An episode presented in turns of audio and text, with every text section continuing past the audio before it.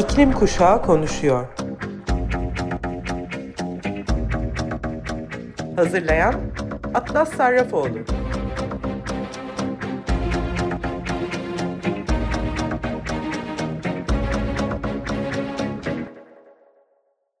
Hepinize merhaba Sayın Açık Radyo dinleyicileri. Ben Atlas Sarrafoğlu. İklim Kuşağı Konuşuyor programına hepiniz hoş geldiniz. Sizlere bu hafta daha önce ne benim ne annemin ne de dedemin karşılaştığı bir felaketin ardından sesleniyorum. 6 Şubat 2023 Kahramanmaraş merkezli ve 13,5 milyon kişinin yaşadığı 10 ili etkileyen iki büyük depremde 236.416 binanın 1 milyon 279 bin 576 milyon evi hasar gördü. Resmi açıklamalara göre 37 bin kişi hayatını kaybetti. 109 bin kişi yaralandı. Komşumuz Suriye'yi de etkileyen depremde 7 bin kişi hayatını kaybetti. Birleşmiş Milletler açıklamasına göre İdlib, Halep, Hama, Lazkiye ve Tartus'u etkileyen depremde 5.3 milyon kişinin evsiz kalmış olabileceği söyleniyor. Yaşanmakta olan iç savaş yüzünden zaten bir kısmı çadırlarla yaşayan 4.1 milyon kişinin yardıma ihtiyaç duyulduğu söyleniyor. Sevgili dinleyicilerimiz, sanırım büyük bir kriz anında yaşıyoruz. Kanlı savaşlar, pandemi, depremler ve iklim felaketleri. Hepsi de aslında daha az canlının zarar görmesini sağlayabileceğimiz kriz halleri. Hepsi daha dikkatli, daha dürüst, daha sempatik ve daha empatik ve hazırlı bir şekilde yaşarsak üzerinden gelebileceğimiz felaket şekilleri. Sayın dinleyiciler, bu sebebini bilmediğimiz bir virüs ortaya çıkardığı bir zombi saldırısı değildir. Depremin olacağı da, binaların yıkılacağı da, insanların yardıma muhtaç olacağı da daha önceden biliniyordu. Bilim bize yaşanacak felaketin boyutu konusunda elinden geldiğince uyarılarda bulunuyordu. Bilim insanlarının dediklerinin yerine elde edecekleri karı düşünen cahil, empati yoksunları yüzünden büyük bir felaket ile karşılaştık. Unutmak mümkün değil. Unutmayacağız. Ama eğer bu programı ilk kez dinlemiyorsanız bu durum size bir şey hatırlatabilir. İlk kez dinliyorsanız da ben hatırlatmakta fayda görüyorum. Bilime yani bilim insanlarının uyarılarını sırtını çevirip yüzünü kâra çeviren insanlar yüzünden evimiz yanıyor. İklim krizi tıpkı deprem gibi şiddeti artarak gelen bir felaket olarak karşımızda. Dünyaya salınan toplam karbondioksitinin %8'inden sorumlu olan çimentonun kalitesizliğini konuşuyoruz. Fosil yakıtlarla kapladığımız yolların doğa karşısında ne kadar yetersiz olduğunu görüyoruz. Bu durumun sorumlusu olan yetkili kişiler haber alma yollarımızı kapatmaya çalışıyor. Hepimiz bir günah keçisi arıyoruz. Çünkü ortada büyük bir günahın olduğunu hepimiz biliyoruz. Artık karar vermeliyiz.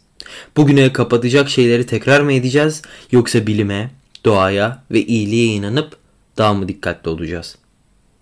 Ben ve iklim aktivisti arkadaşlarım ikincisini seçmemizi istiyoruz. O yüzden iklim krizinin çözüldüğü bir dünyada depremler de insanlığın ölmediği kadar ileri gitmeyi istiyoruz. Artık kaldığımız yerden devam edemeyiz. Depremleri, savaşları ve cahilliği durdurarak iklim kriziyle mücadelemize devam etmeliyiz. Çünkü çözüm ortak. Bilime güvenmek. Evet bu kez farklı haber kaynaklarında yer alan ve deprem sebebiyle yaşanan veya yaşanacak çevre felaketlerini sıralamak istedim. Depremler ile ilgili açıklamalarda bulunan İzmir 9 Eylül Üniversitesi'nin Su Kaynakları Yönetimi ve Su Kaynaklı Doğal Afetlerin Kontrolü Araştırma ve Uygulama Merkezi Yönetim Kurulu üyesi Profesör Doktor Celalettin Şimşek deprem sonrası yeraltı sularına ve olası tehlikelere dikkat çekti.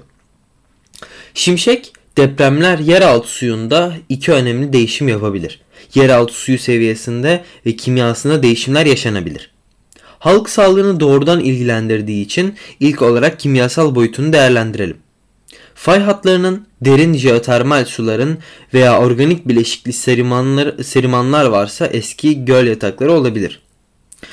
Kömür alanları olabilir buralardan metan gazı, karbondioksit ve sülfür gazları yer altına suya karışabiliyor. Bunun örneklerini gördük. 2022 yılında Düzce depreminde bazı kuyularda metan gazı girişleri oldu. Hatta halk çakmağı çakınca suyun yandığını gördük. Böylece durumlar bu bölgede yaşanılabilir dedi. fay hatları boyunca jeotermal sularda yeraltı suyuna karışabileceklerine dikkat eden Profesör Doktor Şimşek böyle durumda e, suyun sıcaklığında da artış olacaktır. Bu tür sıcaklığında e, artış olan sular tüketilmemeli çünkü jeotermal sular yüksek oranla metan konsantrasyonu içerir. Bu tür sudaki değişimler olan bölgelerde tüketmeden yetkililere bildirilmelidir diye konuşuldu. Türk Tabipler Birliği 10 ili etkileyen depremin ardından yerli bir olan özellikle de eski binalardan yayılan asbeste ilişki e, ilişkin bir uyarı metni yayımladı.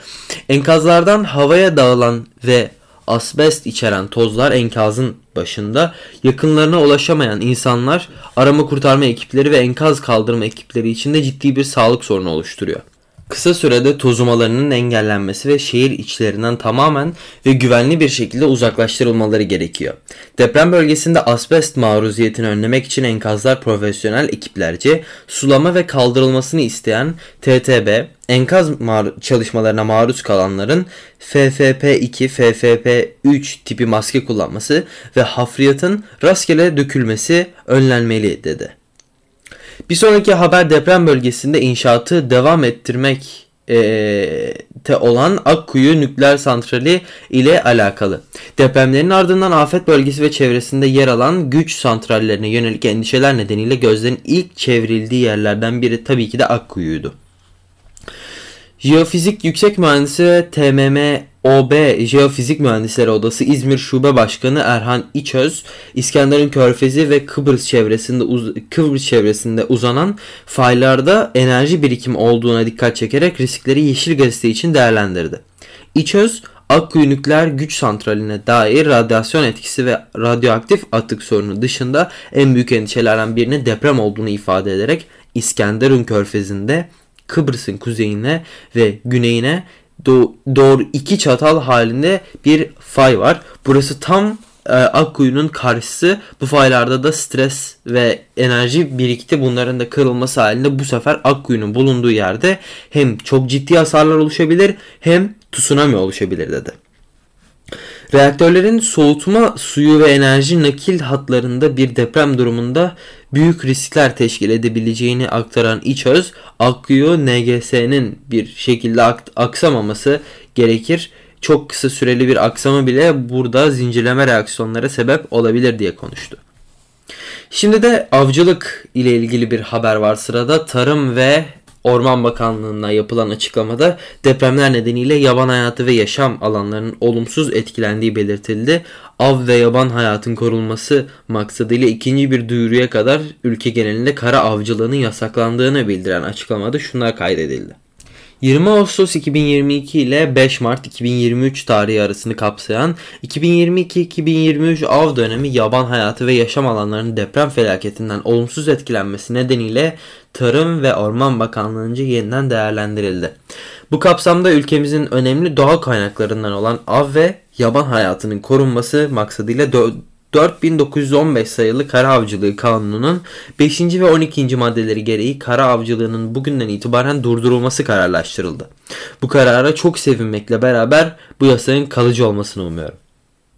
Bu arada deprem sonrası en büyük çevre felaketlerinden biri olarak görülen 26 milyon ton molozun net şekilde bertaraf edileceği önemli konulardan biri. Muğla Sıtkı Koçman Üniversitesi öğretim görevlisi ve yaban hayatı uzmanı Doktor Yasin İlem'in Kahramanmaraş merkezi depremlerde yıkılan binaların e, binalardan kalan enkaz ve molozların ortaya çıkardığı tehlikeye e, uyarıda bulundu. Büyük bir tehlike bizi bekliyor diyen İlem'in Twitter üzerinde yaptığı bir dizi paylaşımla enkaz ve moloz yığınlarının oluşturması olası tehlikeye ilişkin şu ifadeleri kullandı. Araştırma alanım doğa ve ekoloji olduğu için aktarmam gerekiyor. Yaşanan büyük deprem sonucu devasa bir enkaz ve moloz ortaya çıktı. Bu hafriyatlar uygun bertaraf edilmezse yaşadığımız binlerce kayıptan fazlasını verebiliriz. Deprem sonucu yıkılan binalardan ortaya saçılan enkazlarda insan sağlığı ve ekosistemi için zararlı pek çok madde bulunuyor. İzolasyon maddelerindeki kimyasallar, zararlı plastik türevleri ve asbest bunların başında geliyor.